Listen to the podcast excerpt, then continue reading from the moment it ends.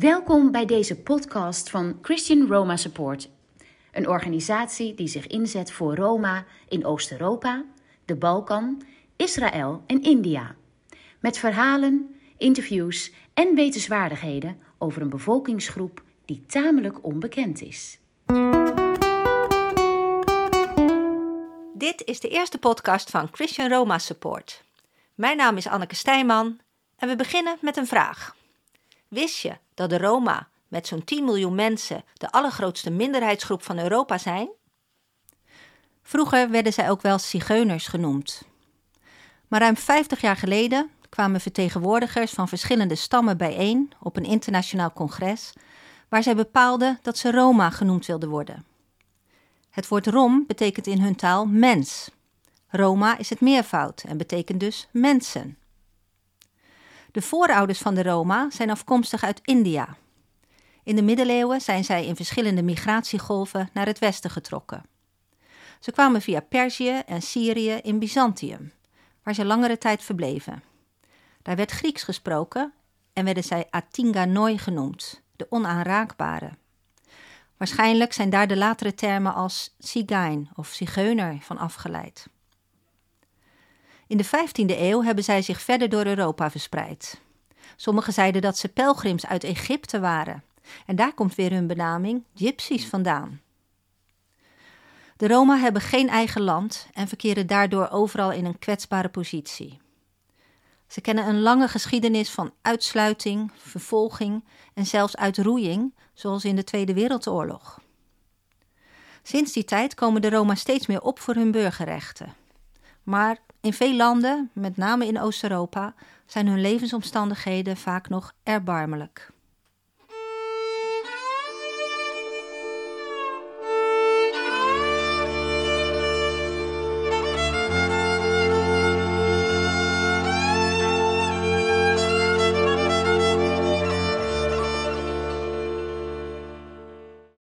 Ik zit hier aan tafel met Kees en Tilly Nieuwstraten. Hallo. Hoi, Anneke. Jullie zijn al heel vaak in Oost-Europa geweest, in Roemenië, in Oekraïne. En hebben daar uh, filmopnames gemaakt, met name onder de Roma. Hoe zijn jullie daartoe gekomen? Nou, daar wil ik graag wat over vertellen, want uh, het was niet zo gepland of uh, van, zo vanzelfsprekend dat we daarheen gingen. Wij kwamen eigenlijk op een dag iemand tegen die iets van onze video's gezien hadden. Een gewoon vakantievideootje opgenomen die nodigde ons eigenlijk uit om uh, de foto's te, te, bekijken van een project in Oekraïne. En ja, dat was gewoon triest om te zien. De, de foto's op zich, uh, het, het leven daar, de kinderen in armoede. En dat trof ons. Het, het, ons hart, het trof ons hart. Ja, en dan zeg je Oekraïne, dat is een heel groot land. was je in een bepaald gebied in Oekraïne? Onder welk deel van de bevolking? De eerste keer dat wij naar Oekraïne gegaan zijn, was dat in de plaats Beregovo. Dat ligt in het westen, tegen Hongarije aan. Het is Transcarpatië. En dat is eigenlijk de plaats waar we alle latere keren ook ongeveer in die streek geweest zijn. En de, die foto's die je te zien kreeg, uh, was dat van de Oekraïense bevolking of was dat uh, juist van Roemeense of Roma-bevolking? Nee, dat ging hoofdzakelijk over uh, de, de, de bevolkingsgroep die niet wordt gezien, de Roma. En, uh, en wordt in mijn oor gefluisterd, de ziekenhuizen vooral. Nou, dat is inderdaad waar. We zijn uh, in een aantal Roma-dorpjes geweest, maar ook in, in het ziekenhuis waar ze um, um, ja, waar de kinderen gewoon op een afdeling lagen en uh, waar de verpleging gewoon geen tijd had en geen middelen had, geen, gewoon geen capaciteit om die kinderen überhaupt eten en drinken te geven. Dus op het moment dat je daar dan binnenkomt met je camera om er iets van op te nemen, was mijn eerste reactie van camera weg en huilen. Kind, kindbeet pakken, uh, knuffelen en vervolgens was je nat. Want zo'n kind heeft geen verschoning, die ligt daar in zijn eigen vuil. En uh, als je dan die kinderen ziet en je vergelijkt het met de kinderen hier, ja, dan moet je even slikken. Even, dan blijf je slikken. En uh, onze eerste reis dat was ook gewoon een, een, cultuurshock. Uh, en, en, en, qua filmen een try-out. Want we hebben niet veel duidelijke beelden op kunnen nemen, omdat we te geëmotioneerd waren. Maar ik denk dat dat wel iets is wat, wat je nodig hebt om het werk te kunnen gaan doen. Om, om het te blijven doen. Het moet eerst in je hart landen. En het moet op je netvlies staan. En, en ja, dat is het uitgangspunt van ons geworden. En, en wat uh, landde er vooral in je hart? Wat, wat sprak je het meest aan? Misschien kan jij dat iets van vertellen, Kees? Ja, wat landt het meest in je hart? Eigenlijk de situatie van de, van de mensen die gewoon niet te eten hebben. Uh, mensen die in de eigen vuil liggen, die, uh, ik weet nog wel dat we bij een man uh, binnenkwamen en dat was een Oekraïense man, dat was een vuilnisman. En uh, die man die ging iedere dag naar zijn werk, maar die had al tien maanden, geloof ik, acht of tien maanden geen salaris meer gekregen. En ik vroeg, waarom ga je dan naar je werk? Hij zegt, nou, als, ik, als er ooit weer betaald gaat worden, dan heb ik daar recht op. Anders heb ik helemaal nooit nergens recht op. Deze man leefde, en ja, het is jammer dat het alleen maar geluid is en geen video, maar die leefde in zo'n ongelooflijke armoedige toestand. Zijn kindertjes die hadden helemaal niks. Die sliepen, ze sliepen met z'n vijf in één bed. Het bed was zwart, was vuil, ze hadden geen eten. We hebben een paar keer broden gebracht. Dat zijn dingen die je nooit meer vergeet. Deze ervaring hadden we gewoon nodig om verder iets te betekenen voor, voor projecten zoals uh, Christian Roma Support, wat we nu doen. En uh, het videowerk, dat is trouwens ook ons werk als we daar doen. Het videowerk om dit bekend te maken in Nederland. Ja, jullie zijn dus heel veel dingen gaan filmen.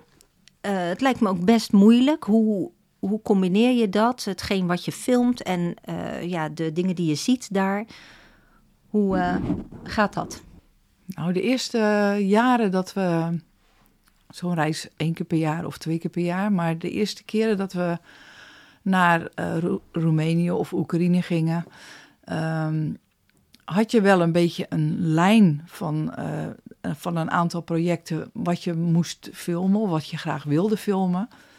Maar de praktijk leert gewoon dat je uh, met ogen en oren je omgeving eigenlijk betast van, ja, dat is een raar woord natuurlijk, maar je, je, je bent aan het kijken en, en je bent gelijk met een video-oog aan het kijken. Maar je wil ook de mensen zelf uh, um, omarmen, letterlijk. En dat is lastig, omdat je dan moet gaan kiezen van ga ik nu filmen, of ga ik een foto nemen, of ga ik een gesprek aan. Met een tolk dan weliswaar, maar uh, dat dilemma, dat is niet makkelijker geworden. Ik denk dat het nog wel moeilijker is geworden, omdat je weet wat je wil opnemen, wat je mee terug wil nemen naar huis. Ja, want jullie uh, verlangen is vooral om te laten zien aan mensen in Nederland uh, hoe de situatie is in, in, in uh, zulke dorpen onder deze families. vinden mensen het altijd goed als je ze wilt filmen? Dat is, een beetje, dat is wel een beetje de lastigste, het lastigste probleem waar je daarvoor staat. Want als je, uh, als je mensen in de ellende filmt, en dat is natuurlijk ook zo wat je daar doet, uh, dan kom je wel heel dicht bij die mensen. En um, daar voel ik me af en toe bezwaard bij. Als ik uh, een video opneem van mensen die op een bed liggen. ik heb een voorbeeld van een man en een vrouw waar we waren. En de man die, die, die, die, probeerde voor zijn vrouw te zorgen. En op een gegeven moment sloeg hij het deken van de vrouw op en toen bleek dat er ene been helemaal weggerot was. Ze had suikerziekte en ze werd niet geholpen. Ze kreeg geen insuline en deze vrouw was gewoon stervende. Op zo'n moment film je daar en dan, dan op een gegeven moment zeg je van dat kan niet. Ik kan niet meer filmen, ik stop, ik stop ermee. En we hebben met die mensen gepraat, we hebben die mensen omarmd. We zijn heel dicht bij die mensen gekomen. En we hebben met die mensen gebeden. We hebben ze geprobeerd te bemoedigen voor zover als dat gaat. Uh, maar dat zijn wel momenten dat ik, dat ik het liefst gewoon mijn camera neerleg. En uh, dan het belangrijkste als eerste, en dat zijn de mensen zelf. Uh, met dat beetje wat we dan hebben, kunnen we meestal toch wel wat maken. Want je kent je verhaal, je, je monteert dat later toch wel tot een, een verhaal. Maar dat is wel moeilijk. En soms vragen we het aan de mensen, mogen we even filmen? Maar dan ben je wel meteen de spontaniteit kwijt. Oh ja. Dat maakt het lastig. Ja, daar wil ik nog wel wat op aanvullen. Um, je, je, um, de projecten die je gaat bezoeken, die bezoek je sowieso niet met lege handen. Je komt wel met een camera, maar je hebt ook vaak een pakket met eten bij je. En daar zijn de mensen al zo dankbaar voor dat je bijvoorbeeld, um, nou, wat zit erin? Meel, macaroni, uh, brood, uh, olie. Uh, iets waar ze even mee verder kunnen. En daarbij zijn wij als, als fotograaf of cameramensen uh, naast degene die de taal spreekt. Dus een tolk die meegaat en die het gesprek voert. Dus het, is een, het zou eigenlijk het mooiste zijn dat het een wisselwerking is tussen beelden en gesprek. En uiteindelijk, wat Kees ook vertelde, um, leg je op een gegeven moment je camera neer om met de mensen verder in gesprek te gaan. Uh, vaak mogen we het afronden met een gebed of met een, een zegenbede, een, een, een, bemoediging, uh, een tekst. Mhm. En op het moment dat je dan weer weggaat, dan wordt er vaak toch nog weer aan je arm getrokken of een, een bedankje gegeven of een knuffel of je krijgt een, iets wat de mensen ehm, schaars hebben, bijvoorbeeld een, een, een aandenken mee. En dan kan je dat ook weer filmen. En uh, het zijn vaak, wat Kees al zei net, het zijn vaak hele kleine momentjes die je dan toch nog weer even vastlegt op film. En die je dan weer in je, in je reportage later kan gebruiken. Maar het is, het is niet makkelijk. Het is uh, lastig om te kiezen. Ja, begrijp ik. Jullie hebben dus best veel uh, persoonlijke contacten ook met gezinnen. kom je gewoon bij de mensen binnen? Vind je dat niet vervelend of moeilijk? Om, om uh, ja, bij uh, Roma-families vaak naar binnen te gaan? Nee, ik, uh, ik zelf vind het niet moeilijk om binnen te stappen. het, het, het, is, het is raar dat op het moment dat je met, als, als je met een camera komt, min of meer ben je aangekondigd van dat er gasten komen om iets te filmen, om iets te geven of om iets te vragen. En in die combinatie stap je dus inderdaad een vreemd huis binnen waar, waar ik de ja, 9 van de 10 keer toch mensen heb gezien die een soort verlangend zijn van hé, hey, er komen mensen voor mij in mijn huis. Een soort gastvrijheidsgevoel uh, wat je dan ziet. En dat, dat is in Nederlandse begrippen niet eens te omschrijven. Uh, vreemde mensen die bij jou in huis komen met een camera, terwijl de mensen dan uh, hun dankbaarheid laten zien. Van jij komt hier voor mij. Mhm. Jij komt uit Nederland naar mij kijken. Mhm. Jij kijkt naar mij om. Dat is eigenlijk wat, wat er dan gevoeld wordt. Ja, en ik denk dat het voor Roma-mensen ook uh, vaak bijzonder is. Dat, dat uh, ja, buitenstaanders zomaar een Roma-dorp binnenkomen en, en uh, persoonlijke aandacht hebben. je vertelde net dat je ook wel bidt voor de mensen. Um, welke religie hebben Roma dan? Meestal? Uh, de mensen waar wij, de Roma-mensen waar wij geweest zijn, over het algemeen zijn ze, zijn ze evangelische christenen. Ze hebben ook vaak een wel klein kerkje in het dorp. Maar we zijn ook wel in dorpen geweest waar, waar helemaal niets was. Uh, wat ik begrepen heb van, van uh, de hele cultuur van de Roma in Oost-Europa is dat ze over het algemeen de, de religie vasthouden die in die omgeving het meest bekend is. Of die hun het meest aanspreekt. En in ons geval, waar wij uh, geweest zijn, zijn dat wel vaak christenen. En ben je ook wel uh, in Roma-kerkjes geweest, Roma-kerken geweest? Ja, daar wil ik graag wat over zeggen, Til. ja, we zijn in een aantal Roma-kerken geweest en een Roma-kerk is wel zo bijzonder. Uh, om te beginnen, uh, er zijn daar geen twee Roma-kerkjes die gelijk zijn aan elkaar. Dat is het, uh, het leuke ervan. De ene Romekerk zijn ze ongelooflijk uitbundig en eh, ze zingen daar zo enthousiast. Daar kunnen wij met z'n allen in Nederland uh, een voorbeeld aan nemen. Uh, in een andere Roma-kerk zitten de mannen en de vrouwen helemaal apart en zingen ze uit handgeschreven boekjes en mogen geen instrumenten gebruikt worden. In weer andere gemeentes spelen ze op, op een oud gitaartje en, en, en dan, toch, dan toch kunnen ze daar iets in overbrengen in het zingen, terwijl wij er eigenlijk geen woord van verstaan. Ondertussen kennen we het woord voor God is Isten en uh, Jezus noemen ze ook Jezus. Dus we staan wel iets en we merken aan, de, we merken aan, de, aan het enthousiasme en aan de geestdrift die de mensen hebben. En dat hebben ze. Uh, de, de lofprijzing die ze, die ze uiten in hun kerk. Dus kerkjes zijn ongelooflijk verschillend. En ze zijn in ieder geval niet te vergelijken met de kerk in Nederland. En Tilly, jij wilde nog iets uh, toevoegen? Ja, wat Kees al zei, het, het verschil is soms zo groot.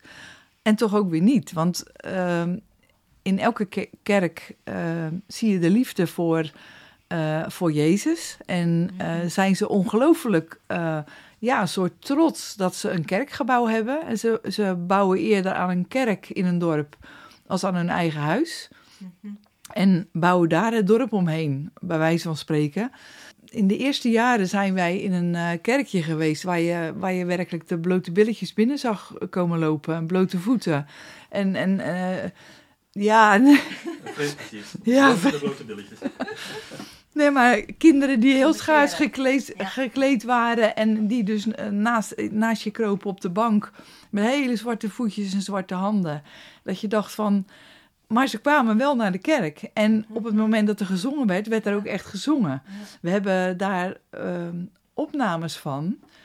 Daar word ik blij van als ik daar naar, kijk. Dat ze een, een liedje met handen en voeten uh, vormgeven.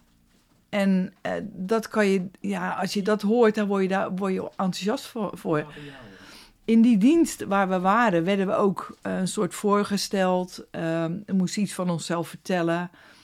Maar het leuke was, op het moment dat wij weer op ons stoel zaten of op de kerkbank zaten. En ze speelden een liedje voor ons, kwamen al die kinderen naar voren. Al die schaars geklede kinderen met die van verbazing. Uh, viel je bijna van je stoel af, omdat je de vuiligheid uh, vooraan zag. Maar toen gingen die kinderen voor ons zingen. En uh, het was gewoon een, een, een soort bedankje met die gebaren van God is als een toren. En, en stonden daar te zingen en te springen voor ons.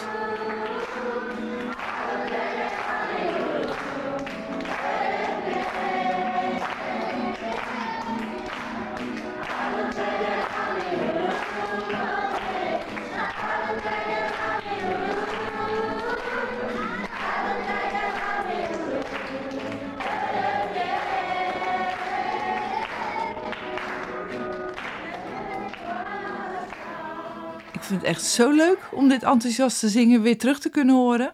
Ja, de hulpverlening is zo op gang gekomen dat uh, er wordt elke keer kleding gebracht. Uh, er wordt geleerd wat hygiëne is. En er wordt uh, verteld dat het best wel belangrijk is om op je hygiëne te letten. Uh, het laatste keer dat wij in een kerk waren, dan zie je de, de, mensen al beter gekleed en schoner gewassen. En ook zoals wij zondags naar de kerk gaan, dat je je ook voorbereidt van hé, hey, we gaan naar, uh, naar de kerk om voor God te zingen. Mm -hmm, mm -hmm. Die verandering zie je heel duidelijk in de loop van de jaren.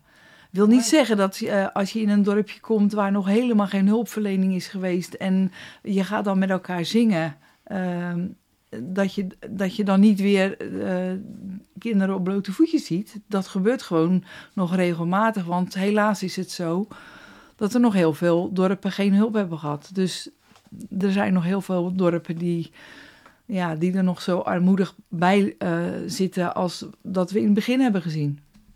Nou, heel interessant. Ik vind het ook uh, goed te horen dat jullie gewoon in de loop der jaren gewoon echt die verschillen zien. Wat ook aangeeft dat ja, de hulp echt iets betekent, iets uitwerkt. En uh, ja, dat is wat we met Christian Roma Support ook beogen.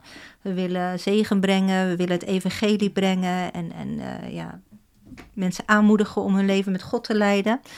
En uh, ja, ook heel veel onderricht geven in alle ja, basisvaardigheden uh, die er nodig zijn. En uh, hoe mooi is het dat je ziet van hé, hey, het werkt wat uit en het maakt verschil. Laten we de volgende keer hier verder op doorgaan. Dan wil ik graag nog even noemen dat de films die Kees en Tilly hebben gemaakt in Oekraïne te zien zijn op het YouTube-kanaal via onze website. Hartelijk dank.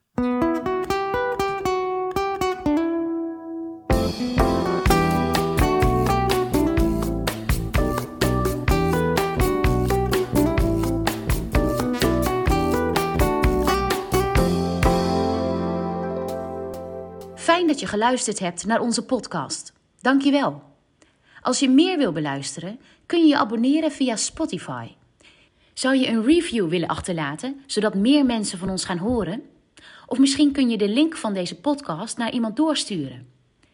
Verdere info kun je vinden op onze website www.christianromasupport.nl. Deze podcast is gemaakt door Anneke Stijnman en Kees en Tilly Nieuwstraten met medewerking van Mirjam Bouwman. Graag tot de volgende keer.